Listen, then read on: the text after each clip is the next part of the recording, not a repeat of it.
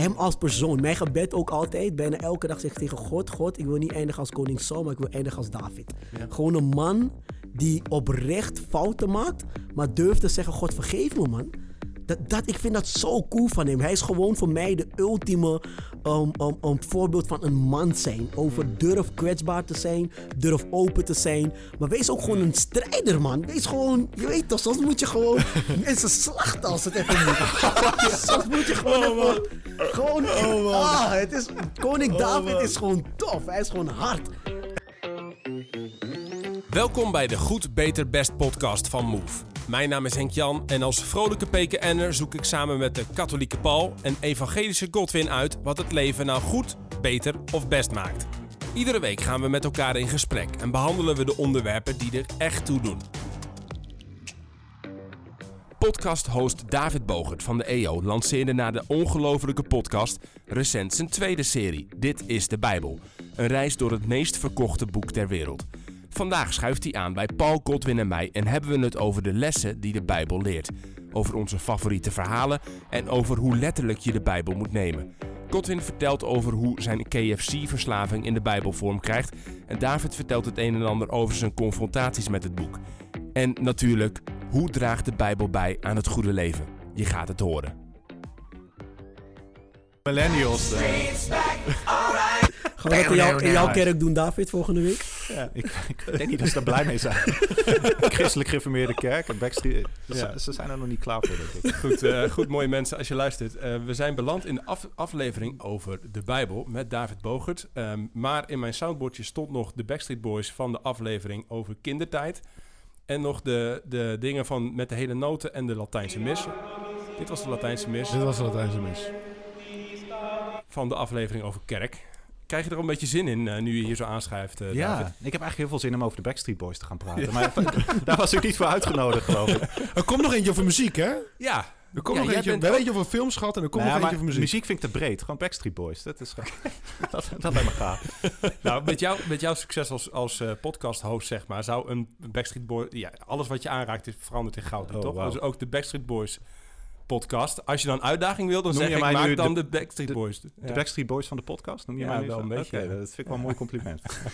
Even check. Ja, als oud-CAE'ers onder elkaar kunnen wij dit tegen elkaar zeggen. eh, zeker. Ehm, ja, eh, David, heel fijn dat je bent aangeschoven. Eh, jij bent ehm, eh, host van de ongelooflijke podcast en van de podcast Dit is de Bijbel. yes. voor de EO. Luisteren heel veel mensen naar. Dus ik neem aan dat je ook een beetje verstand hebt ge- ge- gekregen van de Bijbel. Ehm, nou, ik leer elke week weer bij. elke week komt er een nieuwe aflevering bij. En eh, de, ja, daar leer je ontzettend veel. Huh. En dat is wel grappig, want ik ben, nou, misschien net als de meeste van jullie, wel opgegroeid met de Bijbel en met de kerk. Mhm. Maar wat je leert als je elke week over gaat praten met nou, deskundigen die in onze podcast zitten, is hoeveel je niet weet en hoeveel je elke keer nog leert. Hmm. Dus eh, Het is een vrij dik boek ook. Het is heel dik. Ja, zeker. ja, ja, ja. Je, je hebt het volgens mij proberen samen te vatten in een soort van eh, spoken word, hè? Oh, grappig. Ja. Het is het meest gelezen, het meest beleden, het meest geprezen, maar ook meest gevreesde boek. Want ze zien wat het met vele levens doet. Het keert alles om, ze willen weten hoe. Boekenkasten vol analyses en commentaar. Tast je in het duister of is het zonneklaar? Is het gewoon een boek zoals alle andere, maar waarom dan verboden in meerdere landen? In verkeerde handen vaak gehavend en misbruikt. Soms als olie op het vuur of buskruid. Maar troost voor de verschoppelingen, brandstof voor de activist die zag dat het zo niet ging. Het vernedert de macht, en geeft nederige kracht, omdat het steeds weer verrast, maar misschien ook wel verward. Teksten vol geweld, intriges en politiek, maar ook wijsheid, liefde en poëzie. Soms een excuus voor haat en bedrog, maar ook inspiratie voor Rembrandt, Dali en Van Gogh. Het is rauwer, raarder, maar dieper dan je dacht. En Trek hem even een beetje naar. Ik zie Godwin al lekker mee Ja, bouncen. ja, heerlijk, man. Heerlijk. Ga je er goed op? Ja, heerlijk. Het is, eh krijg gelijk een tien van mij. Oh, wauw. Ja, ja echt, echt. Ja, eh, ik vind het een creatieve manier om, om de Bijbel gewoon te beschrijven. Ja. Want eh, dit is ook eh, punt 1. Even, jullie kennen elkaar ook nog weinig. Dat is misschien goed om even kort voor te stellen. Godwin is onze huisevangelische, zou je kunnen zeggen. En, en Paul is onze huiskatholiek. En ik Yes. probeer als vrolijke PKN ook nog wat zinnigs te zeggen. Allemaal hebben dus wel wat met de Bijbel. Jij ook, dus daar gaan we het vandaag over hebben. Maar deze vorm, zeg maar, van spoken word, een beetje, dit, dit past wel bij jou, of niet? Ja, ja, ik vind het super tof. Ik vind dit een creatieve manier van evangeliseren. Dat is ook hoe wij, naar, hoe wij als, uh, wat net over kerk, en dat ik uh, binnen de kerk altijd von heb. Um, een Hmm. van de dingen die wij ook binnen de kerk doen, is heel veel muziek, maar ook heel veel drama. We hebben nu een, een, een dramaserie die we opnemen, dat heet Vers Life. gaat over jongeren die um, in de criminaliteit vallen, door uh, dat ze heel snel geld willen. Ja. Um, maar dit soort dingen doen wij dan ook. En het, het ziet er niet heel christelijk uit. We lopen met messen op, op het kerkpodium. lopen wij uh, uh, dingen op te nemen. En Ja. iedereen denkt, wat zijn ze aan het doen? Maar het, de boodschap erachter is gewoon vol evangelie, bekeer je. Want dat is de enige redding die er is. En ik hoor dat terug in je, in je, in je spoken word. Ik ben tof. benieuwd wanneer je lachen. op gaat pak gaan worden door de politie. We, we hadden die politievuist al eens, als je daar met, in, in- met messen loopt te, te zwaaien in die kerk van je. Als het voor de evangelie is, vind ik het ook. Ai, ai, ai. Oei, oei, oei, oei. Ehm, mooi mensen. Ik had Ja. ehm, eh, de Bijbel. Ja, je rept er al over, je zegt het al, David. Je kunt daar volgens mij... Jij maakt een hele podcastserie over. Er zijn bibliotheken letterlijk over voorgeschreven Ja. natuurlijk. Ja. Eh, wij gaan er een uur over met elkaar over hebben. We hebben een aantal dingen te bespreken wat mij betreft. Ehm, ik dacht misschien mooi om gewoon te beginnen met ons ja, lievelingspassage, vers, hoofdstuk, karakter. Iets wat je mooi vindt aan die Bijbel. Want ja, uit, zo, uit zo'n boek moet in ieder geval één ding te halen zijn... wat volgens mij wat je, wat je diep kan raken. Ehm, mag ik bij jou beginnen, David? Ja hoor, ja. Ja, het, het, het- ik- het verandert bij mij wel elke week ongeveer. Ehm, maar ik ga nu eh, ja, heel lekker op prediker eigenlijk. Het is Ah. eh, een boek uit, een boek uit het Oude Testament. Heerlijk. En ehm, daar heb ik eh, de laatste aflevering die nu online staat van Dit is de Bijbel, ging daarover. Dus heb ik het hele boek, het is niet heel, heel lang, dus je bent er eigenlijk zo doorheen, heb ik gelezen. En het is fascinerend. Waarom? Omdat het Bijbelboek is wat eigenlijk het minst in de Bijbel lijkt te passen. Hm. Ja. Het is een, eigenlijk een heel raar boek als je het in de rest van de Bijbel eh, ziet. Omdat het, het is een beetje deprimerend. het leven is zinloos, volgens prediker lijkt het. Ehm, er is eigenlijk niet echt een leven na de dood, lijkt het. En het draait heel erg om genieten, genieten, Ja. genieten.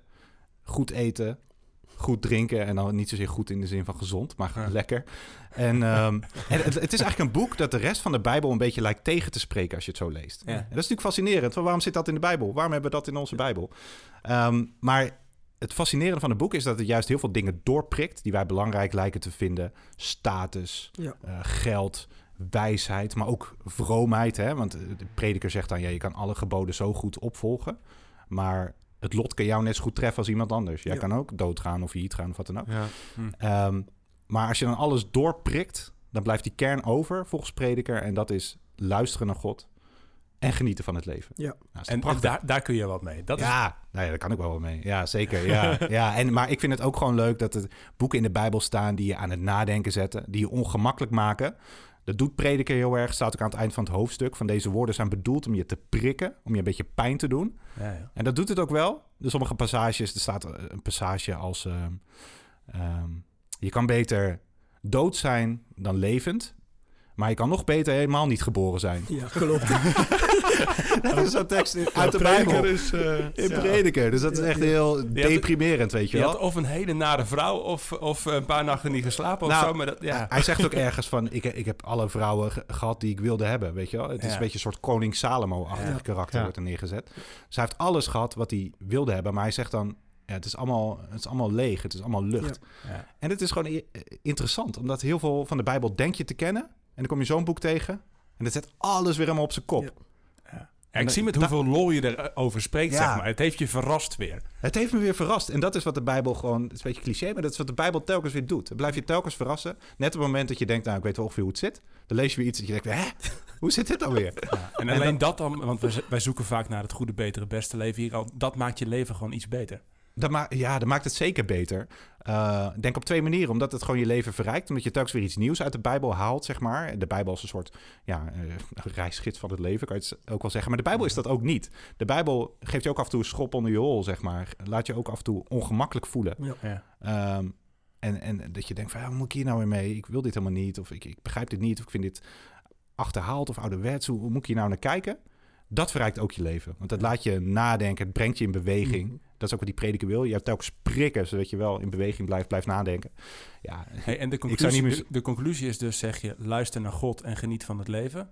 Dat is Ja. de schop onder jouw hol. Lukt het dan ook?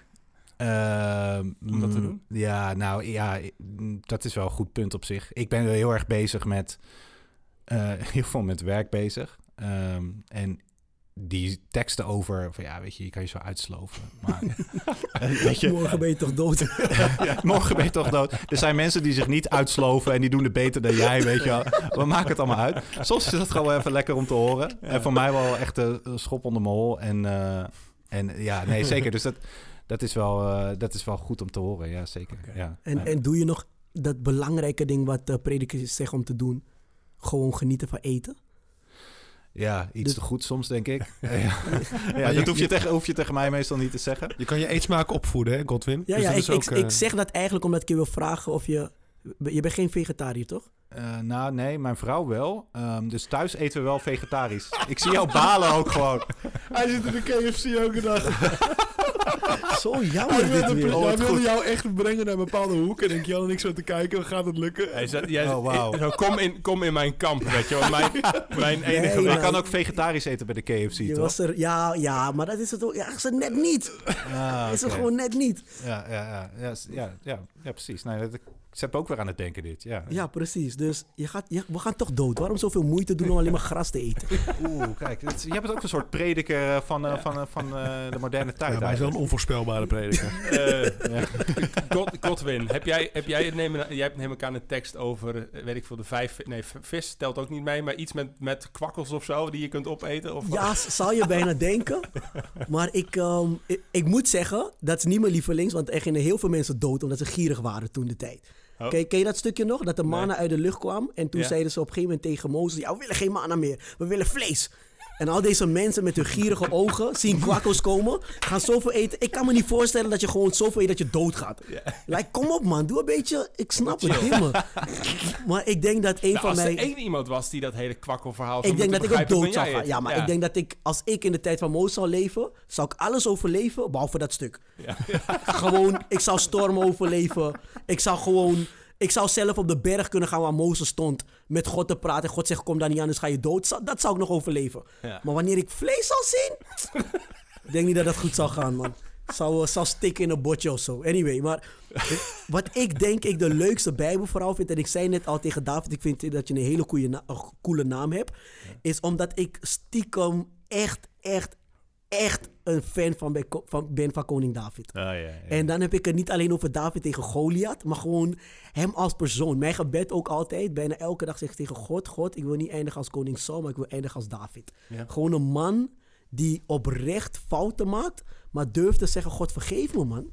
Dat, dat, ik vind dat zo cool van hem. Hij is gewoon voor mij de ultieme um, um, um, voorbeeld van een man zijn. Over durf kwetsbaar te zijn, durf open te zijn. Maar wees ook gewoon een strijder, man. Wees gewoon, je weet toch, soms moet je gewoon mensen slachten als het even moet. soms moet je gewoon even... Gewoon, ah, het is, koning David is gewoon tof. Hij is gewoon hard. En is er censuur op deze podcast, denk je? Jan? Wat doen we met deze Nee, ik, opmerking? begrijp, van- ik begrijp van David in zijn podcast ook dat de Bijbel juist alle ruimte laat voor vreedheid, voor wraak, Ja. Woesten, woestenij en, en strijd, et cetera. Nou, met, met Godwin... Wij hebben, ook wel, we hebben ook wel de andere kant van David belicht in die podcast, ja. Ja? Ja, ja, het- Een strijder, strijder was hij wel. eh, maar dat is ook wel een hele positieve uitleg van alles, denk ik. Hij heeft natuurlijk ook gewoon zijn buurman omgelegd. ja, klopt. Kijk, hij Of heeft- laten En omleggen. zijn buurvrouw Hij- gedaan. Ja. Ja, Ja, ja, ja. Kijk, hij heeft dingen gedaan waar hij, waar hij waarschijnlijk spijt van heeft gehad. Wat hij niet had waarschijnlijk, doen. hij had er knijt te veel spijt van. Ja, dus dat, is klopt. ook, dat neemt hij ook niet als voorbeeld. Dus, dus dat, maar dat, dat, dat ben ik wel weer blij dat dat weer teruglees in de Bijbel. Ja, ja. Dat ik zie van, hey man, ook in die fouten die hij maakte, dat hij terugging naar God en zei van, hey, Maar ik vind het überhaupt wel heel tof dat, dat hij fouten maakt. Tenminste, Ja. voor zover die fouten... Het is niet heel tof dat hij, dat hij zijn buurman omlegt en zijn buurvrouw... hij heeft er wel over nagedacht. me too. Wel minder Hij als heeft je er wel over Hij heeft er nagedacht. echt over nagedacht. Maar ik, ik, we- ik postte eh, deze aflevering van Dit is de Bijbel. Die ging over waarom gaan zoveel Bijbelse helden zo genadeloos de fout in. Mhm. En David is daar een goed voorbeeld van. Stefan Paas in die podcast die zei van... Hij kan bergen beklimmen, maar hij struikelt over een stoeprand. Vond ik wel een mooie uitspraak. Eh, en toen reageerde op Twitter een eh, moslim. En die zei van... Dit is dus wat er mis is met de Bijbel. Lees de Koran. David heeft helemaal niet ehm eh Bathsheba soort van gemetoed Mhm. en zijn buurman laten vermoorden. Dat heeft David allemaal niet gedaan. Dat zijn allemaal fouten die in de Bijbel staan. En de Koran kent heel veel van diezelfde Bijbelse figuren. Hè? Mhm. Eh, David, Noach, Abraham. Salomo, Ja. Abraham, allemaal, Mozes. Maar die maken daar bijna geen fouten in de Koran. Mm. En in de Bijbel maken ze fout na fout na fout na Ja. fout. De grootste helden maken allemaal fouten. Ik vind dat heel tof aan de Ja. Bijbel. Ook wat jij zegt, Godwin, dat je ook gewoon leest van hij maakt ook fouten en hij gaat er op een eerlijke manier mee om. Ja. En soms gaat ze er niet op een eerlijke manier mee om. Maar dat is re- relatable voor ons, weet je wel. Ja, Ja, dat en- vind ik tof aan de Bijbel. En, en daarop aansluitend, een, van- wat voor mij een van de meest inspirerende voorbeelden is, is we hebben twee personen, dat zijn Petrus en Judas, die, die verraden beide de Heer. En de ene wordt het hoofd van de kerk en de andere hangt zichzelf op. Mhm. En dat heeft puur te maken met het feit dat de ene zich ontvankelijk stelde voor de genade van vergeving en hoop en barmhartigheid. ja. En de andere in wanhoop eindigde. En dan denk ik, ja, maar Petrus is ons voorbeeld. Want we gaan gewoon heel hard op ons bek in ons leven. Ja. En we hebben zulke helden nodig. ja, ja. En is dat ook gelijk jouw lievelingsbijbelverhaal, bijbelboek? Eh, nee, ik heb over nagedacht. Mijn lievelingsbijbelverhaal is Gethsemane, denk ik. oh, Hm. Ja, dat is degene die het meest ontroert. En waar ik wel moest denken is, als ik naar het Oude Testament ga, dan wordt het Psalm 51. mhm. Ehm, eh, ja, dat, dat vind ik zo ontroerend. Heb- Over heb- fouten heb- heb- gesproken. Ja, het, dat is eigenlijk de, dat is de psalm die David bidt om, om vergiffenis te vragen nadat hij, nadat hij met haar naar bed is gegaan. Dat miser, ik bid het heel vaak als ik, als ik, als ik vergiffenis wil vragen aan onze Heer. Dan, dan bid ik psalm 51 of Wat 130. staat, er, wat staat er precies? Hebben we een paraat, eh, mannen? Nou, aan het einde heb je dat van, eh dat van ehm cor contritum et humiliatum. Dat wil zeggen, eh, het, ehm, een berouwvol en nederig hart zult, zult gij niet als gering schatten of zult gij niet afwijzen. Van wat, wat kan ik de Heer geven? Het enige wat ik hem kan geven is een berouwvol hart. Hm. En ik weet dat de Heer dat niet zal afwijzen. Hm. Ehm, dat vind ik zelf een beetje het kernstuk van... van Dit, staat, die- dit zal ongetwijfeld dan... eh, jij leest hem waarschijnlijk uit de Willybord. ver- Daar hebben, kunnen we ook nog een hele discussie. eh, Welke, welke vertaling? Eh, ik heb er hier, uh, notabene van de EO, heb ik even de bijbel.eo.nl. Ik denk David is ter Hatsa. Ja, wij hebben de Bijbel geclaimd als EO. Ja, nee, heel goed. Heel Ons goed. boek. Ja, ja, nou ja, het be- ja, de vrijgemaakten gingen nog verder. Hè. Die claimden gewoon de hele ware kerk. Dus het kan, het kan, het kan eh, goed. Eh, vanaf vers 18 dan. U wilt van mij geen offerdieren in brandoffers. Schept u geen behagen. Het offer voor God is een gebroken geest. Een gebroken en verbrijzeld hart. Zult u God niet verachten. ja, Is dat, is dat wat je bedoelt? Ja, Amen. ja. Cor contritum et humiliatum deus non Ja, despicias. dat is zo hatelijk aan hem. Hè. Dat hij gaat hij Wauw. gelijk in het Latijn doen. Tot verdorie. Wauw. Ja. Nee, Ja, dat vind gek. ik... Maar terug Golgotha. Golgotha. waarom? Dat, de, je Golgotha ziet- even, want oh, sorry, Golgotha zei Gethsemane. Eh, Sorry, ja, Gethsemane. De, de, Gethsemane. de tuin, zeg de maar. tuin. Wa- waar zitten we in de Bijbel nu? We zitten Voor nu, degenen die dat niet weten. ja, waar we nu in de Bijbel zitten is eh, Jezus na het laatste avondmaal trekt zich terug. Hij weet hè, wat hem te wachten staat. En dat is dat Judas zal hem verraden en dan zal hij het lijden tegemoet gaan. Mhm. Hij gaat er naartoe, hij neemt drie van zijn, van zijn leerlingen mee. Hè, En dat zijn eh, Petrus, Jacobus en Johannes. En je merkt gewoon ten eerste het intense lijden. Je- hij straalt ook zo'n menselijkheid uit. Het is volgens mij ehm eh, Matthäus, nee, het is Lucas. Het is Lucas ook die vertelt dat hij gewoon bloed zweet. Mm. Mhm. Van, van de intensiteit van wat hem overkomt. Hij draagt alles onder op zich. Een engel komt hem troosten. Waarschijnlijk gaat de duivel hem ook, gaat hem ook nog verleiden om hem ontmoeten, ontmoedigen. De, de, de leerlingen die in slaap vallen van vermoeidheid, van verdriet. Ehm, en die, die, dat dialoog met de vader. En wat ik zo mooi vind is, eh, het laat ook gewoon zien van ja, het leven, Mhm. het leven is soms ook zo. Ja. Hè? En, ehm, en Jezus is, is, is niet een soort van, eh, een soort van vrolijk huppelende mannetje die met bloemetjes door het weiland zegt van oh, eh, I'm your love. Hij zit daar gewoon bloed te zweten. Ja, geen kumbaya, maar bloedzweten. En daarna Ja. komt zijn verrijzenis. Hè? Dus Ja. eh, ik ben ook niet iemand die in het Maar duisternis waarom is het dan die diepte, die, die ellende, het moment wa- waarop, waarop het leven totaal lijkt in te storten? Dat, waarom raakt dat je zo in die Bijbel? Ik kan, me, ik kan het beste, laten we zeggen, zeker de momenten dat ik, dat ik wat meer zwaar heb of wat meer droog ben. Ik kan het beste bidden tot, tot, die, tot die Christus, tot die Jezus, Mm. als hij in het hoofd door lijf is. Want ik kan hem gewoon, ik kan, hem, ik kan al mijn troep met hem delen. Ik, ik kan hem soms ook veel de kracht om zelfs Jezus te troosten. Hm. Hè, om hem- Jezus troosten? Jezus. ja, why not? Als de engel hem troost, waarom mag ik hem niet een beetje troosten? Omdat jij dan liefde? nog in, in Gethsemane, in Gethsemane Nou, ziet me- of zo. Ja, misschien dat ik soms... Dat ik, dan ga ik met mijn verbeelding naartoe. En, en heel vaak ben ik die apostel die ook in slaap valt. Maar soms heb ik misschien een moment van stoutmoedigheid... even de liefde om, om te zeggen... Jezus, ik, kom naast je zitten. Ik waak ook met jou. En, en ik steun je nu op dit moment. En, en daarna zal ik je heel vaak ook verraden. maar maar waarom, zou ik, waarom zou ik de Heer niet dat, dat stukje liefde... in de vorm van troost... Net zoals dat ik ook zoals Simon van Sirene... een stukje van zijn kruis mag dragen soms. En dat hij dat mag voelen. En hoe, want Jezus troosten, hoe zie je dat dan voor je? Zie- Zie, zie je, heeft Jezus die, laat ik het zo zeggen, heeft Jezus die troost nog nodig? Want je zou kunnen zeggen, hij is nu opgestaan, hij is daarboven. Waarom zou Jezus nog jouw troost nodig hebben? Want, want ik denk ook dat... Kijk, aan de ene kant heeft ons verlost... maar we zien ook dat de verlossing nog gaande is. Er worden, er worden nog allerlei zondes gepleegd. We zijn er nog niet allemaal. Er zijn nog heel veel dingen. En die, en die dingen die, die raken Jezus nog steeds. Hmm. Hè, ehm, we kunnen natuurlijk zeggen... alles putte zich uit op dat moment... en ze zien, Jezus het doet hem niks meer dat we zondigen. Maar ik denk dat niet. En ik denk dat Jezus het ook onwijs veel waardeert... dat, dat jij en ik, en die ook zondig zijn... maar dat we soms gewoon in de kleine dingen... ook heldhaftige liefde kunnen schenken. Dat we het gewoon echt doen om hem te behagen. Om, want Jezus is ook mens. Hmm. En Jezus vraagt ook om water aan de Samaritaanse vrouw. En Jezus moest huilen om Lazarus. En waarom zou die Jezus nu opeens veranderd zijn? Het sluit wel misschien mooi. Dankjewel voor. Ik, nou ja, ik vind het prachtig hoe je dit deelt. En eh, het geeft. Jij kan soms met jouw traditie of manier van denken. Ja, trouw- trouwens ook me, me weer op een nieuwe manier naar Jezus laten kijken. Of naar hoe je met hem kan omgaan of zo. Dat vind, ik, vind ik cool. En tegelijkertijd sluit het misschien wel mooi aan op het stukje wat ik heb meegenomen. Dat is geen verhaal, dat is een stukje uit 1, Colosso- 1 Colossensen eh, van vers 15 tot vers 20. Dat is me vorig jaar gaan opvallen toen, ik, toen wij voor New Wine wat meehielpten. New Wine, de, de, de beweging, eh, de zomerconferentie, dat ging over heel het leven. En daar was dit de kerntekst van. En sindsdien heeft het me niet meer helemaal losgelaten. En dat gaat eigenlijk ook over Jezus.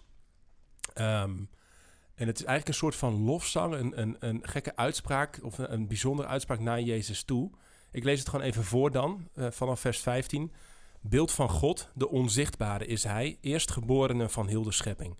In Hem is alles geschapen, alles in de hemel en alles op aarde. Het zichtbare en het onzichtbare. Vorsten en heersers, machten en krachten, alles is door Hem en voor Hem geschapen. Hij bestaat voor alles en alles bestaat in Hem. Hij is het hoofd van het lichaam, de kerk. Oorsprong is Hij, eerstgeborene van de doden, om in alles de eerste te zijn. In Hem heeft heel de volheid willen wonen en door Hem en voor Hem alles met zich willen verzoenen, alles op aarde en alles in de hemel, door vrede te brengen met Zijn bloed aan het kruis. Wauw. Ja, toch? Ja. Eigenlijk een soort geloofsbelijdenis bijna. Ja, dat wilde ik net zo ook zeggen, ja. Ja. En, en waar, waar, laat me zeggen, ik vind het heel Ja. mooi, maar waarom? Dus wat, wat, eh, wat, zegt, wat zegt dit jou? Nou, ik, het- misschien het, het, mooiste aan het geloof is ergens, of een van de mooiste, is dat het allergrootste en het allerkleinste op de gek, gekke manier bij elkaar komen. Hè. Ik heb het ook wel eens een wetenschapper van de nanotechnologie tot de kosmos. En die twee lijken ook weer heel erg op elkaar. Het kleinste celniveau tot de sterrenwereld boven ons, dat universum.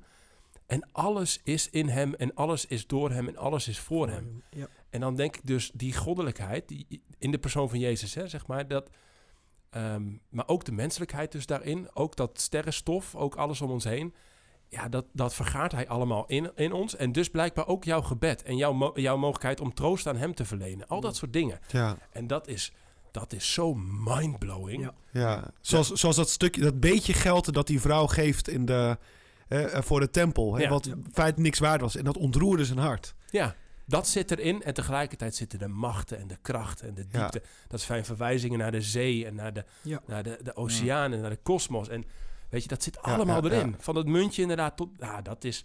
Als je dat... da- daar kan ik niet bij, maar daar kan ik wel van, van genieten. Soort van. Ja, En mooi. Van dat. Ja. Dus... En dat, ergens, ergens past het dus denk ik bij de essentie van mijn geloof of zo. Dat, dat, dat. En dat, ja, dat, dat raakt me, denk ik. Wauw.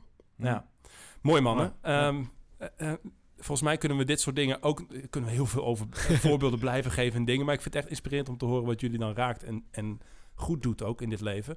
Volgens mij hebben we, eh, hebben we daarmee al een belangrijk antwoord gegeven op de vraag die we elke keer stellen: wat is het goede leven, het beste leven?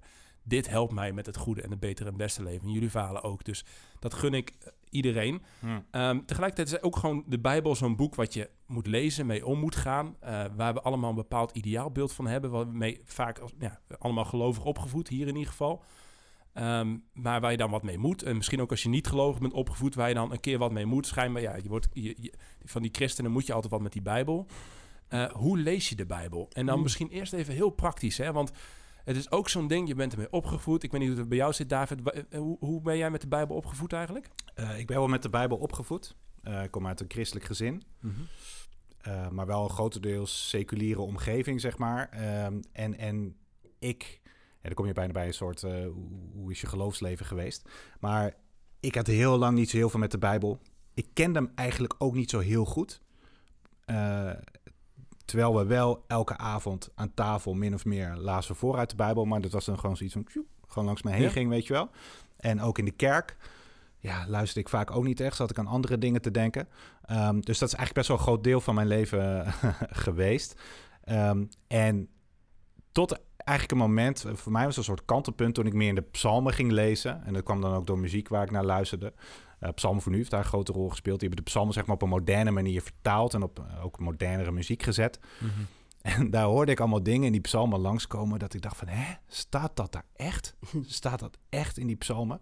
Eh, van, van nou ja, je hebt hele mooie dingen. Die, die- Psalm 139 kennen we de meeste van ons denk ik wel. Dat gaat heel erg over van dat, dat eh, God eh, ons al geschapen heeft in de, in de schoot van onze moeder. En hij kent je door en door. En hij is altijd bij je, overal waar je bent. Geliefde psalm bijvoorbeeld bij dopen en, en, en dat soort eh, gebeurtenissen Mhm. om dat eh, te zingen. En heb je op twee derde van die psalm, slaat het opeens om. Dan is het, God, maak mijn vijanden af. dat je echt denkt, hè? Kom je bij een Godwiniaans. Ja, ja, maar dan denk je, hè, waar komt dat opeens vandaan? En bij mij ging er, ging er op dat soort momenten gaat er bij mij een soort lampje aan van, hé, wat gebeurt hier, weet je wel? What's happening? Hier Ja. wil ik meer over weten. Ten eerste pak ik mijn Bijbel erbij, staat dat er echt? Ja, hè? dat staat er echt. Ja. En dan had ik met zoveel dingen in de Bijbel. En voor mij was dat een soort kantelpunt dat ik dacht van, ja, maar die Bijbel is niet dat brave, voorspelbare Mhm. boek. Wat ik dacht. En wat er ook een beetje zo op je overkomt, dat mensen in de kerk telkens alleen de mooie, liefelijke dingen Ja. gaat accentueren. Op een gegeven moment wordt dat saai. Dan Ja. denk je, oké, ja, weet je, het, het is mooi, het is prachtig, oké, eh, prima. Maar als je dan ook die dingen gaat lezen die juist rauw zijn, die over het echte leven ook gaan, en zeg maar ook, ook over wat wij hier om ons heen meemaken, ja, dan werd ik telkens getriggerd. En dat maakte voor mij die mooie, bekende gedeeltes van de Bijbel ook alleen maar waardevoller. Dus dan ga je ook anders kijken naar het verhaal van Jezus. Naar de apostelen, en naar grote delen van het Oude Testament, die we eigenlijk voor veel christenen in ons geloofsleven ja, bij, bijna een beetje onschadelijk hebben gemaakt. Doordat we, Mhm. we gaan van de schepping en dan heb je de zondeval. En dan zitten we met het probleem. En dan komt Jezus en die lost het op. en dan hebben we het grootste gedeelte van de Bijbel overgeslagen. Ja. Ehm, dus ja, doordat, doordat dat, veel meer open ging voor mij, ging de Bijbel voor mij veel meer open. Ging het veel meer leven. Werd mijn Hey, en- geloof en- veel meer leven. En letterlijk open ook. Want hoe lees je, zeg maar even, wat is jouw gebruik nu van de Bijbel? Want je zei vroeger dus inderdaad als kind kreeg je dat eh, een beetje, eh, je luisterde eroverheen. Hoe, hoe lees je nu de Bijbel? Pak je hem 's ochtends erbij, 's avonds erbij? Eh, luister je ernaar? Wat, hoe doe je dat? Ja, eh, dat verschilt per keer. 's ochtends ehm, heb ik twee dingen. Eerst dit Bijbel-app, Mhm. eh, die Stuk- gewoon... stukje reclame. Ja. Ja, precies. Nee, Ik, ja. eh, er wordt door een of andere omroep gemaakt. Ja. Ik weet niet precies welke omroep. Maar eh, er wordt er gewoon een bijbeltekst gelezen... en dan vertelt iemand wat over die bijbeltekst. Ik heb ook een... ik, ik weet niet hoe jullie met bijbelse, bijbeldagboekjes zijn en zo. Mm, Is niet mijn ding. Nee. Ging ik niet zo Nee. goed op, zeg maar. Maar je hebt een bijbel... of je hebt een app met een bijbeldagboek... voor mensen die niet van bijbeldagboekjes houden. dus ik dacht, hé, hey, dat is voor mij. With God Daily heet dat. Ja. Dat is Engelstalig. Oh, ja, ja, ja. En eh, die is heel goed. Ja. Dus die probeer ik 's ochtends. Lukt niet altijd. Ik heb een, een kind die, eh, die, die Ja. klein is en af en toe is het hectisch en dan lukt het niet. Zo eerlijk moet je ook zijn. Maar als het wel lukt, is het altijd heel, eh, heel tof. En wat, wat maakt dat boekje geschikt voor zo'n, voor zo'n ongedisciplineerde Nou, bijbelboekjeshater als jij? het gaat ergens over, zeg maar. Het zijn niet, wat ik net zei, het zijn niet gewoon de zoetsappige teksten achter Lieve elkaar. Jezus, wat Met- hou ik toch veel van. Precies. En dan met, met, een soort, met een soort blijmoedige ja, boodschap. van, ga er iets van vandaag maken is zo deze mooi dag. in de zon schijnt. En Ja, en daar kan, daar kan ik niet zoveel mee. Eh, maar het is ook gewoon inhoudelijk interessant. En, en eh, hij had laatst een, eh, had hij een hele maand ging die kunstwerken van Van Gogh langslopen. En dan wat hij daarin zag en zo. Ja, vond ik super tof om de dag zo te beginnen. Ehm, Wat doet het met je dag dan? Nou, je wordt, als je je dag anders begint, neem je dat denk ik wel mee de rest van de dag. Soms, in een ideaal scenario. Soms kan je er Ja. vijf minuten klaar zijn, Ja. heb, je de, heb je de trein gemist en dan denk je, oh, ja, Ja. wat een rotdag. Ja. Ehm, maar over het algemeen geeft het je wel gewoon een goede start op de dag. En ook al doet het dat niet, weet je wel, dan nog ben je bezig geweest met die Bijbel. En elke keer dat je bezig bent met die Bijbel, ik geloof als je, als je, het, he- als je het blijft doen, Hm. ook al vind je er soms niks aan, doet het wel iets met jou. Mm. Als je een bepaald verhaal, en Stefan Paas in mijn podcast haalt het voorbeeld aan, je kan niet duizend keer de barmhartige Samaritaan hebben gehoord of gelezen En velen van ons, als je al de hele dag in de kerk zit, of de, je hele leven in de kerk zit, hoor je dat verhaal heel vaak. Mhm. Je kan het niet duizend keer gehoord hebben of gelezen zonder dat het iets met je doet. Dus ik denk elke minuut die jij met de Bijbel doorbrengt, ehm, is, is, is waardevol. Ook al krijg je er niet altijd een leuk gevoel bij. Ja. Misschien is dat soms wel de bedoeling, dat je er geen goed gevoel bij krijgt. Maar dat is 's ochtends. En dan ehm, s s'avonds probeer ik vaak ook nog wel wat in te, in, in, te lezen voordat ik ga slapen. Ehm, lukt ook niet altijd. En, maar voor de Bijbelpodcast ben ik natuurlijk ook veel mee bezig. Mijn grote valkuil is, ik lees meer over de Bijbel Ja. dan in de Bijbel. Nou, dat herken ik heel erg. Ik hou van eh, een soort van licht verteerbaar theologie en, eh, en, en leuke podcast en, eh, en, eh, en goede gesprekken op YouTube en weet ik veel wat. Dat soort dingen en dit soort gesprekken. Maar echt die Bijbel openslaan. Ja. Gewoon even stevig reformatorisch gezien of zo. Gewoon uh, Hatsa. Eh, eh, elke dag, drie keer per dag, een maaltijd, een bijbelboekje, dingen. ja. Ja, dat is me nooit gelukt. Eh, Gewoon te ongedisciplineerd voor. Ik weet niet. Ik Wat? moet heel eerlijk zeggen, ik, ik, ik, ik, ik, ik heb enorme dyslexie. Maar de Bijbel lezen, het is, oh, het is echt een kick, man. Ja? En ik hou van die, die boeken lezen. En ik ben het helemaal met David eens. Ik hou van de boeken lezen. um, wat eigenlijk waarvan ik denk van, maar bro, waarom staat dit überhaupt in de Bijbel? Ja. Een van die boeken is Leviticus. nou, ik Ja, vind het zo'n Ja, ja, boek, ja, man. En- Droog, jongens. Nou, ik, ik lees het en Wetten, dan denk ik van... wetten, ja, wetten. maar dan vraag ik me af... Was dit nodig? Waren die mensen zo gek? like, er was voor alles was er een wet. Ja, ja. I- alles moest je houden. En dan denk ik soms van, oké. En dan probeer ik het eigenlijk terug te brengen naar nu. En dan om je vraag te beantwoorden, hoe lees je Bijbel? Ik sta elke ochtend ehm, sta ik, ehm, iets eerder op. De kinderen moeten, de, rond 6 uur moet ik opstaan om de kinderen wakker te maken. Dan ga ik, heb ik nu afgesproken van 7 tot 8. Dus dan eh, maak ik de kinderen wakker. En dan gaan ze zich klaarmaken. Van 7 tot 8 heb ik even mijn moment. Zit ik beneden. De kinderen maken, gaan ontbijten, ze eten. En ik lees mijn Bijbel. Dat doe ik dan samen met iemand. Ehm, en in de avond, in de middag luisteren we naar een preek. En dan mag je zelf willekeurig kiezen wanneer. In de avond bellen we elkaar weer. En dan gaan we weer de Bijbel lezen. En dan gaan we dus we proberen eigenlijk een soort van standaard ehm, in ons dag in te plannen. Want als ik dat niet doe, doe ik het ook niet. Dan zeg ik, ja, ik ga mijn Bijbel lezen en ik doe het niet. Maar iedere keer dat ik de Bijbel lees, denk ik van, wat een verhalen, man. Wat een, een, een, een... Het is iedere keer gewoon dat ik weer denk van, god, mind-blowing. Gewoon, pff. Dat ik dan dingen lees waarvan ik iedere keer En denk, bijvoorbeeld dit is dit, hè, dan Godwin, want nu vraag je er dan ook om. Ik denk willekeurig Leviticus openslaan. Let's go. Alles is Leviticus, gek. deze Al- wordt... Bereid je ik, voor. Ik moet erom- Alles het is is niet voorbereid. Alles is gek. Ja, nogal. Leviticus 15, vanaf vers 1. Ik begin gewoon te lezen. De Heer zei tegen Mozes en Aaron: Zeg tegen de Israëlieten: Wanneer bij een man onrein vocht uit zijn lid vloeit, is hij onrein. Dit heb jij niet random gepakt. wel, wel random. Ik denk, hij begint over Leviticus. Dat heb ik niet bedacht. Ik denk, ik doe gewoon iets Letterlijk het eerste vers dat je leest. is Ja, dat. En dan, en dan ik denk, ik doe hoofdstuk 15, random. Gewoon midden in dat boek val ik. Of er nu afscheiding uit zijn lid druipt, of zijn lid door afscheiding verstopt raakt, hij is in beide gevallen onrein. alles, alles waar hij op ligt of zit, wordt Is onrein. onrein. Wie het bed van zo'n man aanraakt, moet zijn Onrein. Nou, En dit, als je, dit als je verder, ga je goed op En dus. als je verder gaat, dan heeft het op een gegeven moment zelf, zo diep gaat het, heeft het over dat een man, als hij zaadlozing heeft, ook Oh, jij onrein kent is. dit, jij kent dit Nou, ook en. Leviticus is echt, het is zo'n waanzinnig boek. Waarom? het lijkt zo, weet, je- weet je waarom ik het zo tof vind? Ik zat op een gegeven moment te denken, maar de, de Bijbel is zo heilig. De Ja, Bijbel ja. is zo voor, voor alleen maar goede mensen. Ja. En als ik in, in, in, in. En het leek alsof de Bijbel me alleen mocht als ik zondigde. En dan had ik Jezus nodig, was ik oké.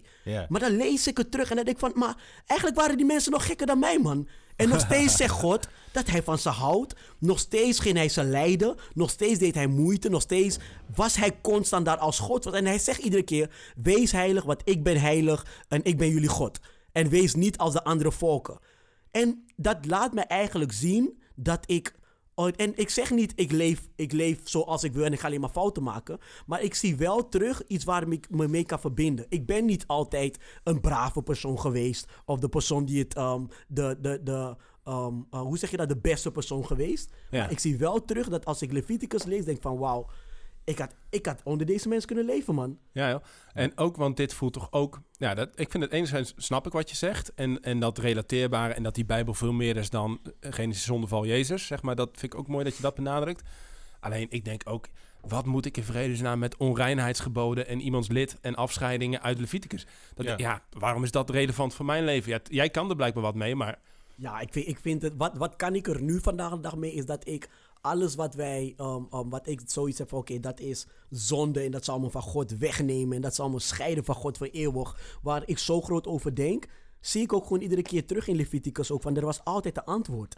Als wat je- iemand dit had, dan bracht je deze offer. Als je dit had, bracht je die offer. En Jezus is voor ons gekomen als de ultieme offer. Dus maakt niet uit welke vorm van zonde ik bega. Als ik oprecht mij bekeer naar Jezus toe. Hij is, de, hij is het ultieme offer wat ik steeds kan brengen. En dat doet Leviticus met mij.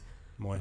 Mooi. Ja, want ik wilde ook zeggen, ehm, in haar, ehm, kijk, wat ik een leuke, een mooie manier vind om het Oude Testament te lezen, eh, is om te kijken hoe het op een bepaalde manier tot vervulling of tot voltooiing komt in het Nieuwe. Hm. Dus dat je kijkt in het Oude Testament, je gaat zoeken naar signalen of symbolen of sporen van vervulling. Hm. Dat is ook interessant. Ik moest denken aan Prediker bijvoorbeeld. Prediker komt nog uit een tijdperk dat de, dat de Joden nog niet zeker wisten wat het eeuwig leven was en of het überhaupt bestond. Ja, ja, ja. En dat zie je in Job zie je ook nog steeds. Hè? Ja. Dat, dat, maar dan zie je langzamerhand hoe recenter die boeken worden, hoe meer ook het eeuwig leven een plek krijgt.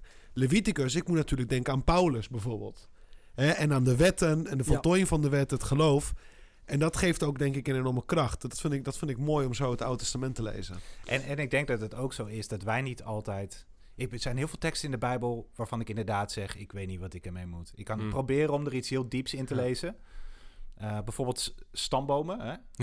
Ja. De genealogie. Dat is echt voor de Een diehard. vriend van mij die. eh, ja, dat is echt heftig hoor. Dat is echt sowieso heel veel van die namen zijn heel moeilijk uit te spreken. Maar ik, een vriend van mij die had, die had zo'n fase dat hij dacht van oké, ik ga de Bijbel gewoon ergens open laten vallen. En dat is dan de boodschap die God mij op dat moment wil geven. Oh ja. En die komt elke keer bij. Die kwam elke keer bij geslachtsregisters uit. Dat is echt, dus hij, hij is er snel mee gestopt toen. Maar ehm, toen hoorde ik van, ehm, ook van een deskundige in de podcast, die zei van ja, maar in bepaalde andere gedeeltes van de wereld vinden ze dat fantastisch. Omdat het heel belangrijk is ook om te weten waar je vandaan komt. Ja. Ja, je identiteit. Precies. Ja. En wij zijn in onze westerse geïndividualiseerde samenleving, kunnen wij met heel veel van die teksten die gaat over iets collectiefs, over iets gezamenlijks, zoals bijvoorbeeld die geslachtsregisters, maar bijvoorbeeld ook die wetten die Ja. echt Ja. bedoeld zijn om ook een volk een soort ja, gemeenschappelijke identiteit en, en, en eh, ook een soort eerbied voor God te geven. Ja. Denken wij, ja maar hallo, wat heb ik eraan? Wat heb ik er persoonlijk aan? En Ja. dat is hoe wij vaak door onze westerse geïndividualiseerde bril die Bijbel lezen. Ja. En daarom is het ook zo, juist zo tof, wat jij ook zegt, God, weer om ook die, die teksten die, waarvan wij dan denken, ah, wat moeten wij ermee, Leviticus? Om dat juist te lezen, omdat het ook een inkijk geeft in een andere cultuur, waar wij misschien nog wel heel veel van kunnen leren. Mhm. Nou, Ja. en als je ook zo bij stilstaat, er is gewoon een volk dat al 2500 jaar zich houdt aan elk van die wetten. Ja, ja. En dat is, dat is toch ook extreem bewonderenswaardig. Ja. Ja. Hè, van, weet je, ze hebben gewoon niks veranderd. Nee. Ondanks dat de tijd zo gemoderniseerd is. eh, Nee, je hebt gewoon nog steeds orthodoxe joden die zich Hey, zo... Paul. eh, En, eh, sorry. Wat, wat heb jij dan? Want als je die. ehm, eh, als zij al 2500 jaar aan die wetten kunnen houden, zeg maar. Waarom lukt het mij dan niet om, om 's ochtends die, die Bijbel een keertje open te slaan? En die vraag zullen wel meer mensen hebben. Wat is, Ja. Eens wat tips. Hoe, hoe gaan we dan. Want het is een prachtige, een, een cultureel. geestelijk gezien een, een, een, een ding om tot je te nemen, om mee bezig te zijn. Ja, ik, zie, ik zie dat je ervan bent gaan houden, van gaan genieten, David. Mhm. Maar als jij gewoon thuis op de bank zit, en het geldt voor mij dus ook, hoe, ga- hoe ga ik dat ding dan echt gebru- gebruiken, openstaan, zeg maar? Hoe doe jij dat, Paul? Ehm, wat ik doe is eh, na het ontbijt. Dan eh, lees ik standaard elke dag lees ik grofweg een hoofdstuk uit het Nieuwe Testament. Want die hoofdstukken, dat is als je het gewoon op een normaal tempo leest, ongeveer vijf minuten. Een hoofdstuk plus dan neem ik ook nog eh, tien minuutjes uit een geestelijk boek, meer voor overwegingen. Ehm, maar wat ik denk, wat sowieso in de kracht van gewoonte wat heel goed helpt, is dat je dingen plakt aan dingen die al vaststaan in je dag. Mm, ja. Dus dat je niet op willekeurige momenten plant. Dat je het een beetje op voorspelbare momenten, wat zoiets als voor of na het ontbijt, eh, Ja, eigenlijk gewoon, eigenlijk, mijn opa en oma deden dat dus gewoon altijd gewoon zoals het hoort, zeg maar. Dus na het avondeten. Gewoon nee, ja, gewoon na, of na elke maaltijd. Gewoon een stukje danken, Mm. daarna Ja. eerst een stukje lezen, daarna toetje en daarna bidden. En, en danken, Ja. zeg maar. Ja. Maar al die, onze generatie lijkt al die... Ik, begin het, ik, ik word binnenkort vader, volgende week hoop ik. Eh, jij bent net vader geworden. Misschien krijg je dan weer meer, of nou een tijdje, één of twee. Jou, jou, jou is klein, eh, klein is jarig vandaag. ja, ja, er is één vandaag. Eén vandaag. Ja, Ja, Eén. Leuk man. wat, wat gaat papa doen? Hier een podcast opnemen. nou, hoe, heet- hoe heet je zoontje? Noah. Nou, shout-out naar Noah. Dank dat je je vader even mogen lenen. En gefeliciteerd.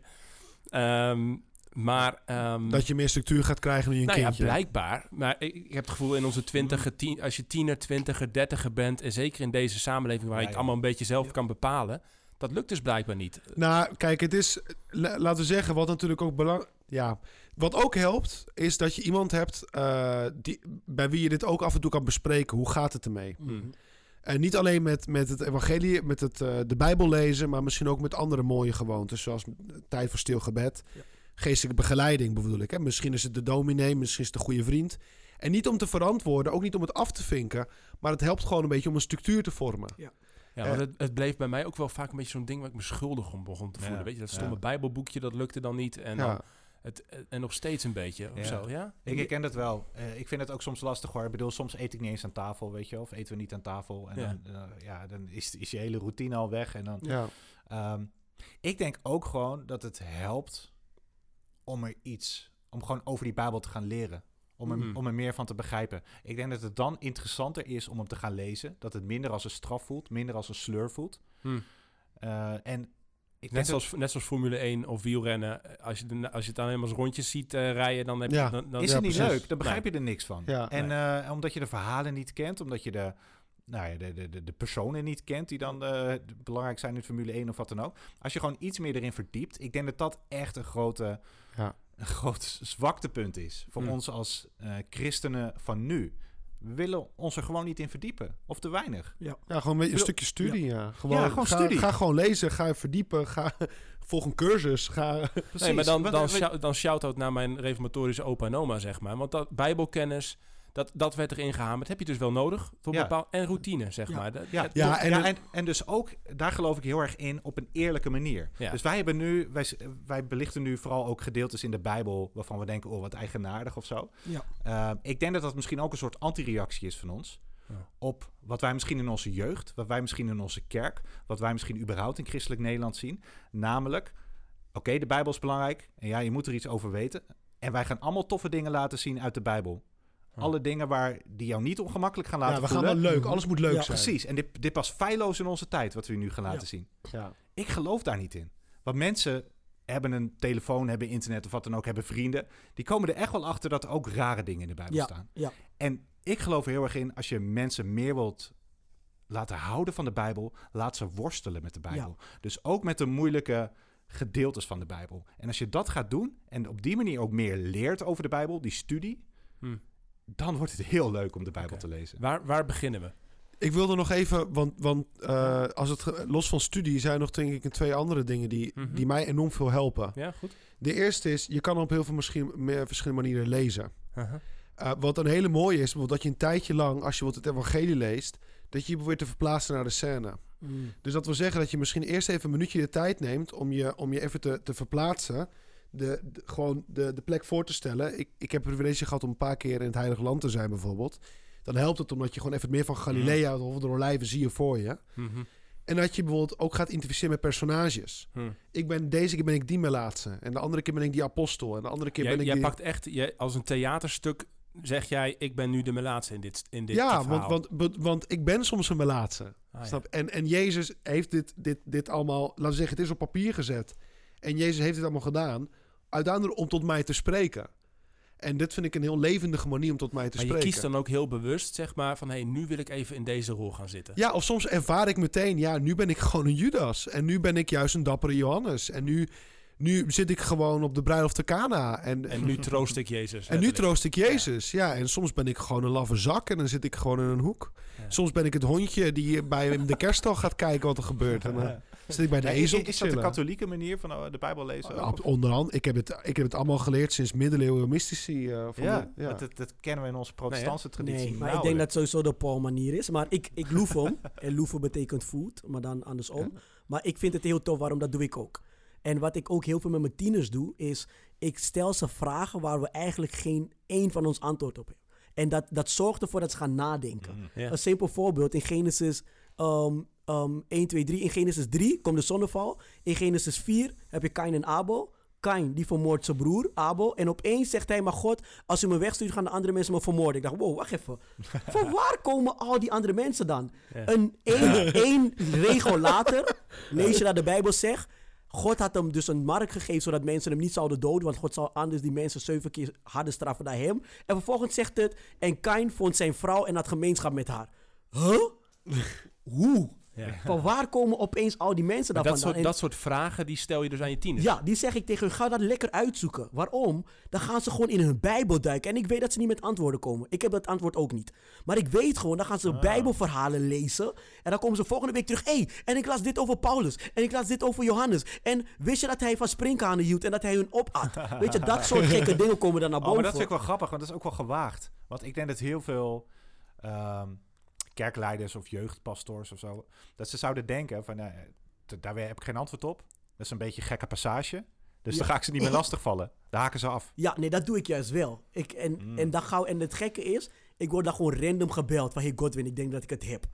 Is, waar, waren Adam en Eva misschien de enige gemaakte mensen... waar God zijn geest in had geblazen, daarom waren ze uitverkoren? Ik zeg, ik weet niet. Mm. Laten we kijken. En dan gaan we gewoon de Bijbel blijven opnieuw lezen. En ik heb Genesis echt al tig keer gelezen... en ik heb nog steeds geen antwoord. De dag dat ik de hemel binnenkom, hoop ik dat ik antwoord heb. Want het Even, is God, gewoon even. God op het matje. Nou, Ja, nu wil ik die nu, wil ik, nu wil ik het weten. Ik kan me herinneren toen ik eh, 19 was, of 20, toen, toen eh, ik was op een zomercursus en ik deed een vak inleiding in de Heilige Schrift. Eh, het, het vak van theologie. En toen had de priester die dat vak gaf, die als ons voordat de eerste les begon, had hij gezegd, eh, als huiswerk voor de eerste les moest je al deze bijbelzetten opzoeken en kort samenvatten. Dus er waren allemaal referenties, vooral het Oude Testament. Nou, wat bleek? Eén één was eh, hoe de dochters van Lot eh, gemeenschap met hem hadden. De andere was hoe Saulus vermaand werd door God... omdat hij niet ook die andere dorpen en kinderen en mensen verbrand had. Of verwoest had. Hm. Eh, de andere was hoe Noach dronken, naakt op het strand lag. Dus gewoon even alle... En zei, oké, nu hebben jullie ook een, een goed beeld van de Bijbel. Nu kunnen we dit vak beginnen. Weet je wel? Van, Tof. En dat vond ik was een ja, soort van ja, reality ja, ja. check. Van nu kunnen, we, nu kunnen we de Heilige Schrift even scheppen. En nu kunnen we ook praten van hoe kunnen we het interpreteren. Ja. Eh, even, de naïviteit moet even opzij gezet worden. Want anders kunnen we niet een academisch degelijk studie doen. Ik vind het wel sterk hoor, want het is voor veel mensen natuurlijk wel, kan het wel eng zijn hè? ja, Als jij eh, gewoon een, een beeld hebt eh, van de Bijbel, waarvan je denkt, dat is allemaal, het is helemaal perfect en het past perfect ook bij mij. vooral het Oude Testament, hè? dat is wat Ja. griezeliger. Ja. Ja, ja, en, en, en, en dan, ja, dan, wil, wil je liever niet geconfronteerd worden met Ja. dat soort dingen, eh, omdat je dan denkt, ja, wat doet dat Precies. met mijn geloof? Maar als je daar wel doorheen bent gegaan, maakt dat je geloof alleen maar sterker. Ja. En wat ook goed hier was, is, kijk, je hebt daar ook een deskundige. eh, Ja. die priester, weet je, en die gaat je ook helpen. Maar Ja. die, die wil wel wel dat je geconfronteerd wordt. En nu gaan we het samen uitzoeken. Als je vragen hebt, kan ik ze misschien antwoorden of gaan we het samen uitzoeken. Mhm. Dus die begeleiding Ja. denk ik, oh, je moet... Ik denk dat het belangrijk is dat mensen op terug kunnen vallen. Dat ze, dat ze autoriteit om hen heen Ja, hebben. Dat Godwin, is- Godwin is die persoon ook voor zijn tieners natuurlijk. Ja. Ja, Maar Ja. dat is super belangrijk. Want wij denken ook eh, van, oké, weet je wel, sinds, sinds de Reformatie en zo, de Bijbel is gewoon voor iedereen toegankelijk. En dat is super goed. Maar dat is eigenlijk hoe de Bijbel ervoor bijna nooit, nou ja, eh, eh, jou als katholiek hoef ik dat niet uit te leggen natuurlijk, Paul. Dat, dat de Bijbel vaak ook uitgelegd moet worden. ja. En het is heel moeilijk als je die Bijbel gewoon uit de boekenkast pakt en je gaat hem lezen van, ik begrijp hem helemaal. Nee, je begrijpt hem niet helemaal. ja Dus de- en denk je, ook je aan... hebt iemand, je hebt soms ook echt iemand nodig die er meer verstand van heeft, die wel al ermee geworsteld heeft en eh doorgewinterde bijbellezer is, om dingen Ja. uit te leggen, want je kan het niet alleen begrijpen. Nou, en dat, de Bijbel zelf legt het ons uit. Want ik denk aan die, aan, uit die Enu, die, die, eh, die uit Ethiopië, die, Oh ja. eh, en dat, dat Filippus naar hem toe moet komen. Ik denk ook aan, aan de, de twee discipelen van de Heer die naar Emmaus lopen. Dat Jezus er zelf moet zeggen, begrijp je het nog steeds niet? En dan gaat hij het uitleggen. ja. Hè, dus je hebt dat onderricht, die begeleiding. Ik denk dat dat heel belangrijk Ja. is. Want je kan ook vallen in een soort te individualistische aanpak. Van Ja, laat iedereen het precies. lekker zelf uitzoeken. Ja. Volgens mij is dat juist iets wat... En dan kan je ook teleurgesteld raken. Ja. Als, je, als je dan het antwoord niet vindt. Ja. Of, je, eh, of eh, jij, jij begeleidt eh, jouw tieners dan nog. Ja. Maar als je gaat googlen naar antwoorden, je komt ook de meest gekke, Gekke dingen, dingen tegen. tegen, Ja, klopt. ja. Ja. Weet je wel? En eh, ja, er zijn denk ik een hoop mensen die daardoor hun geloof kwijtraken. Omdat ze niet de goede begeleiding krijgen. Ja. Dus even samengevat zeggen we, ga ermee worstelen. Eh, Ja, dat mooie. le- letterlijk. En, en jij dwingt bijna jouw tieners om ermee te gaan worstelen. Ja. Gewoon, hè, omdat, je maakt het toegankelijk, open, aantrekkelijk bijna om dat te doen. Ja. Zorg ervoor dat je dan enige begeleiding hebt. Dat het wel in een context valt van iemand waar je nou, ook een beetje op kan bouwen. Die dat in een Mm. kaders kan schetsen. Je hebt onderwijs nodig. Dat. Ja. Je hebt routine nodig, kwamen we al op Ja. uit. Van Ja. hey, zorgen dat je 's ochtends, 's avonds, middags, op wat voor manier dat het aansluit bij je leven, zoals jij zegt, Paul. Ehm, en vergeet ik er volgens mij nog eentje. Ik had nog één suggestie. Ja. Eh, dat heeft me ook wel geholpen. Dat vind ik ook wel... Dat is een leuke uitdaging. Probeer, als je elke dag zegt vijf minuten uit de Bijbel leest... ehm, probeer elke keer in, het, in, in de katholieke spreken over schietgebeden. Ik weet niet of jullie het, het concept schietgebed kennen. Hm. Maar een schietgebed is eigenlijk een heel kort gebed. Mhm. eh, dat je gewoon gedurende de dag heel vaak kan zeggen. Ehm, niet dat het hetzelfde is, maar puur even voor de seculiere Mhm. luisteraar. Noem het een mantra als je wil. Mhm. Het is niet hetzelfde als een gebed, dus er zit een, er zit een relatie in.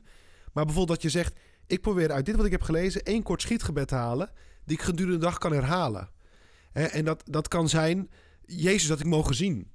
Eh, dat, dat kan zijn van... ehm, Oh ja, dus je, je pakt direct, zeg maar, je leest iets uit die Bijbel en je vertaalt dat naar een soort van mantra of een schietgebedje of iets. een zeg mooi je- schietgebed dat je gedurende de dag... Ja. Terwijl, terwijl, je, terwijl je naar je werk loopt... terwijl je een biertje aan het drinken bent... terwijl je, dat, je, dat je dat gewoon vaak kan zeggen. Dus het is ook een heel concrete manier... Ja. om, om het te gebruiken. Ik bedoel, het evangelie leert ons zoveel mooie gebeden. Ja. Ja. Eh, de Bijbel helemaal, ik bedoel de psalmen, we, we hebben zoveel mooie dingen. Ja. Probeer dan, pluk er elke dag een mooi, een mooi zinnetje uit, die je die dag vaak kan herhalen. En dan leer je ook nog eh, fragmenten uit de Bijbel uit je hoofd.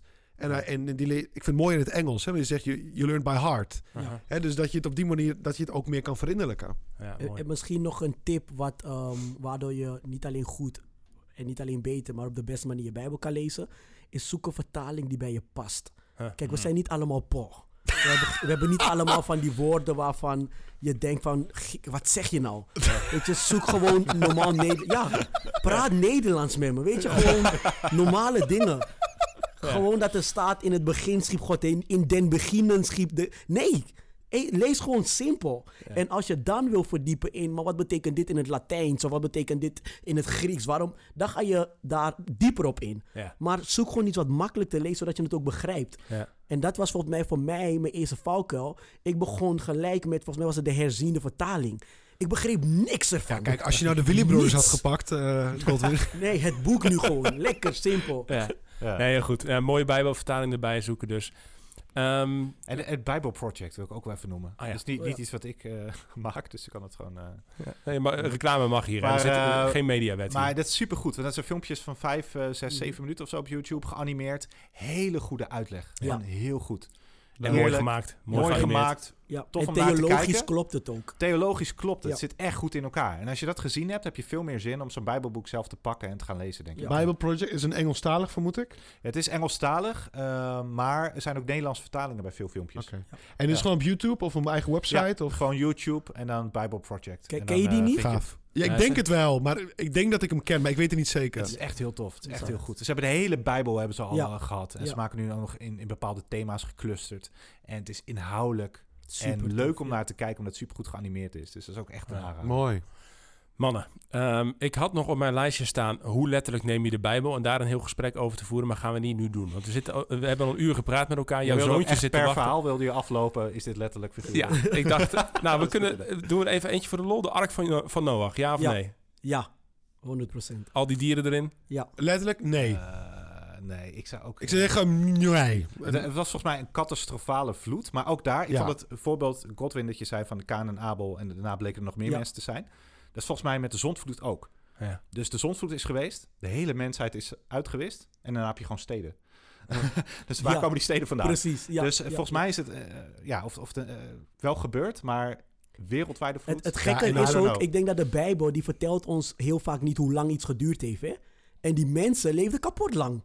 Dus dat Ja. de Bijbel nu heeft over dit gebeurde nu en dat gebeurde nu. Soms zitten er gewoon honderden jaren tussen en wij lezen het in twee zinnen. Ja. Ja. Ik vind het wel goed trouwens dat je het vraagt per verhaal. Want er zijn ook mensen die vragen, moet je de Bijbel letterlijk of figuurlijk lezen? Ja, dat is veel te en dat is een bizarre vraag. Dat kan Ja. je net zo goed aan iemand vragen, moet je je boekenkast letterlijk Ja. of figuurlijk leggen, Ja, lezen, weet je nee, dat is waar. Er staan zoveel verschillende Ja, ik las daar nog- verschillende genres. Ik las daar van de week nog een goede blog over. Ik pak hem er even bij. Momentje, waar heb ik dat ding gelaten?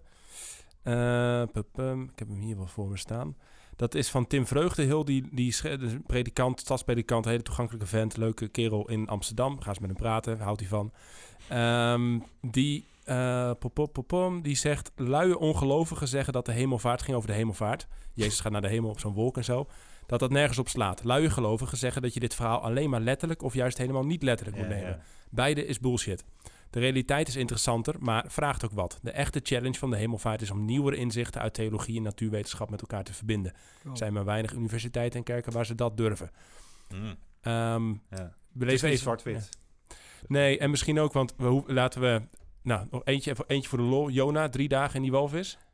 Ik, ik zag laatst een filmpje waar hij aan het barbecuen was in een walvis. Toen dacht ik van ja, Ja, ik denk, er zijn natuurlijk meerdere manieren waarop je, waarop je bijbelstukken kan... Er zijn Ja. meerdere betekenissen. Ja. Dus ik denk, met name in de katholieke kerk wordt gesproken over de historische, over de, de, de symbolische of metaforische, de apocalyptische en de profetische. En in het geval van Jona in die, in die vis, ik geloof niet dat hij drie dagen in een vis heeft gezeten. Mhm. Of beter gezegd, ik vind het niet relevant. ja. Ja. Wat ik relevant is, is ten eerste de, de morele boodschap van vertrouwen op God.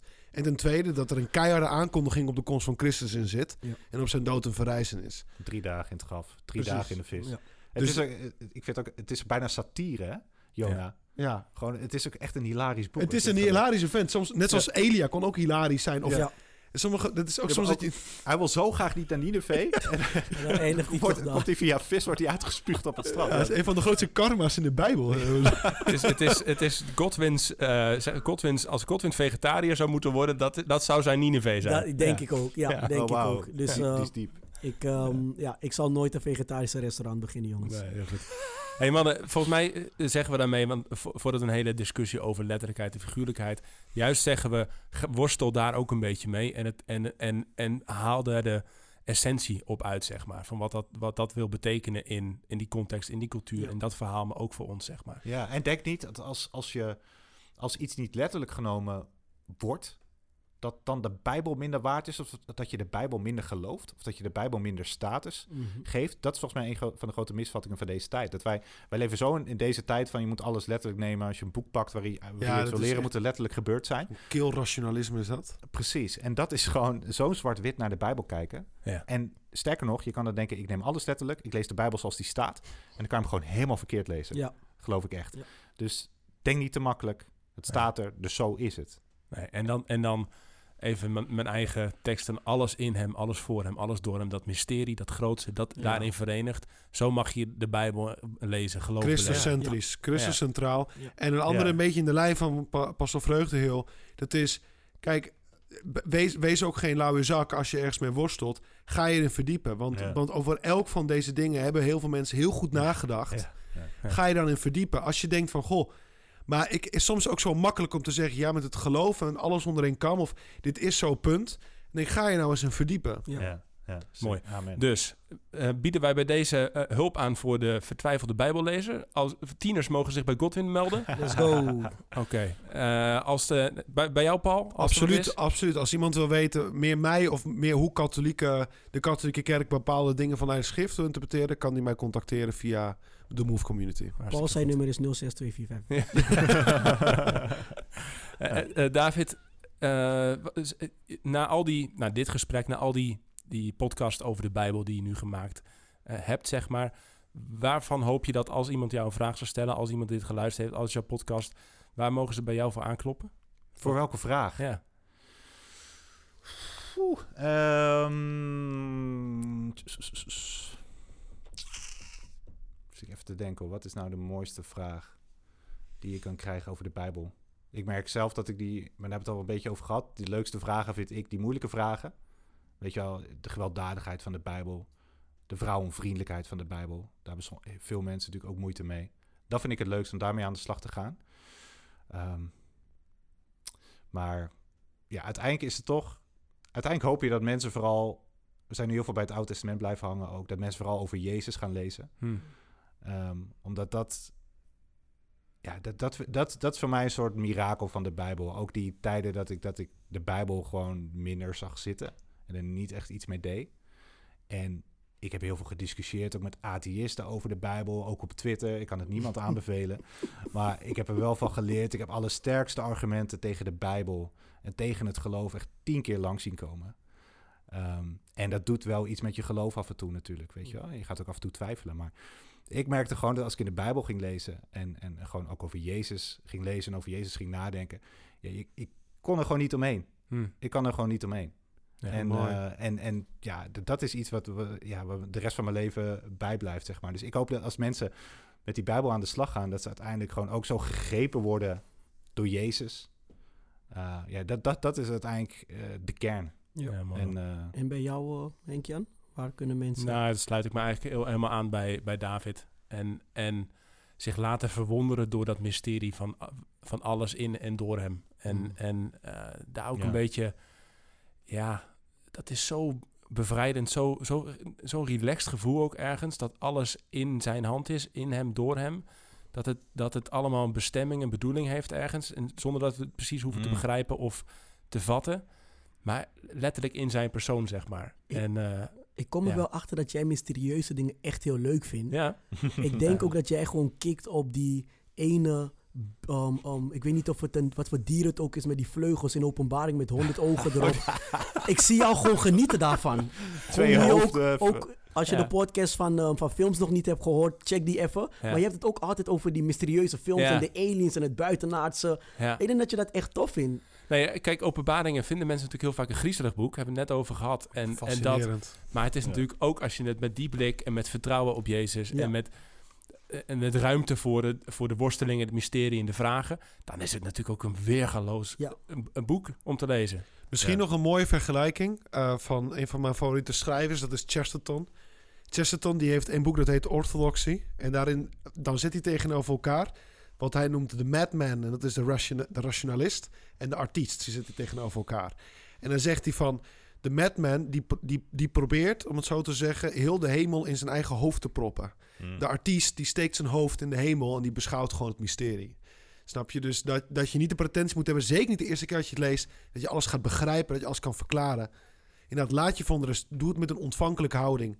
En als je Ja. wil de derde of de vierde keer, ga dan meer wat kritischer lezen. Maar laat je eerst verwonderen. Eh, Een want- beetje betovering hebben we wel weer nodig in deze maatschappij. ja, en probeer niet alles in dat kleine kopje van je te, te proppen de eerste Ja. keer. Je doet tekort aan jezelf en je doet tekort aan God. Ja. Ja.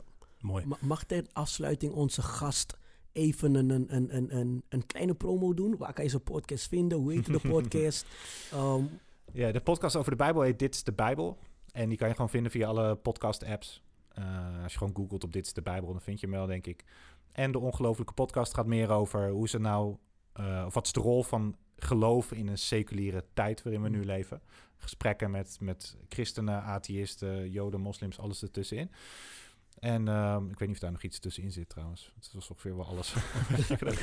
maar ongetwijfeld. Nou ja, ik heb ze alle, ik denk alle 50 of zo eh, geluisterd. Ik, het, is, het is weergeloos. Het is echt een, Ja, echt een prachtig werk. Dus eh, geniet ervan.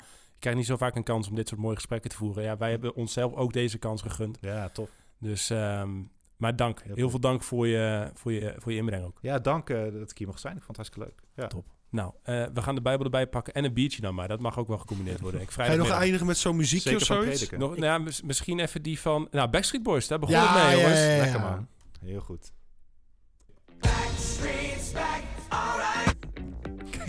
dat was hem. Anticlimax. Oké, en ciao. Dank voor het luisteren. Tof dat je luisterde naar de Goed, Beter, Best podcast. We hopen uiteraard dat je hebt genoten. En je kunt ons helpen en op de hoogte blijven door ons te volgen op Spotify, Apple Podcast of Google en het te delen met vrienden, familie en iedereen die dit moet horen. We zijn er volgende week weer en we zien je dan heel graag terug.